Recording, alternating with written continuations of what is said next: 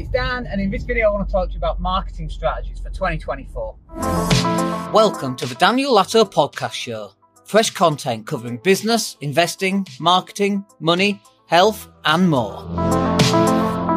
Hey, it's Dan. Hope you're well today. Uh, so it's a, Saturday on the way to CrossFit, and um, I just want to talk about marketing strategies and things that you can do in 2024 that maybe you weren't doing in 2023, but it'll actually make a decent difference in your business. So obviously, as a digital marketing agency, I can only talk to you about what works for us and actually also what's working for our clients.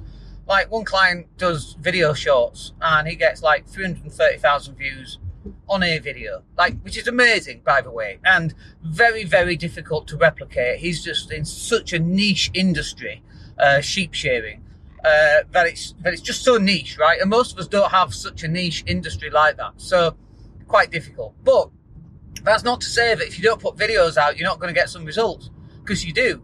Like I was just checking, we've done uh, over 2,000 videos on YouTube, and uh, we, we don't have that many subscribers. We don't get a huge amount of views because it's boring. You know, it's just digital marketing stuff, website stuff, and not that interesting, right? But from that, we still make a decent living. And we still get clicks through to the website because we can check from our analytics and so on. So, in terms of marketing strategies for 2024, video absolutely has to be at the top uh, or for 2024. If you're not doing video in any way, shape, or form right now, this is going to be the biggest difference for you, I think. And it's also the biggest challenge for you at the same time. But if you can overcome that challenge and you can then start producing video on scale, on mass, you know, you don't need a, specialist studio. Of saying that, you know, I'm flying over in a couple of days to England because it's Christmas soon. So depending when you're listening to this, you might be watching this after we've done that, obviously. Um, but we've got a little office that we don't pay a lot for. We don't really use it. Use it for storage and a postal address. And actually now we're going to put some lighting in there. We're going to put uh, some back paneling in there. We've got some desks. We're going to put some microphones in there. And actually, we are going to use that more of a, a, podcasting studio as well as just a you know a place to have an address and place to dump stuff, right?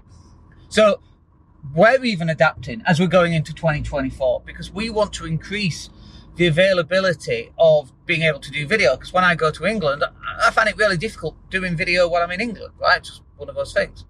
So if this is what we're doing, and that's that's an office in a country that I'm not even in, that's in Spain, uh, in England rather, and I live in Spain. So these are the changes that we're going to make, and I think that this is something you should be doing as well.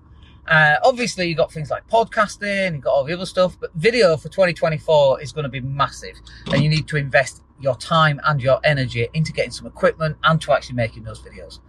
All right, we're pulled up at CrossFit. Hope that's useful. Speak to you soon. Take care.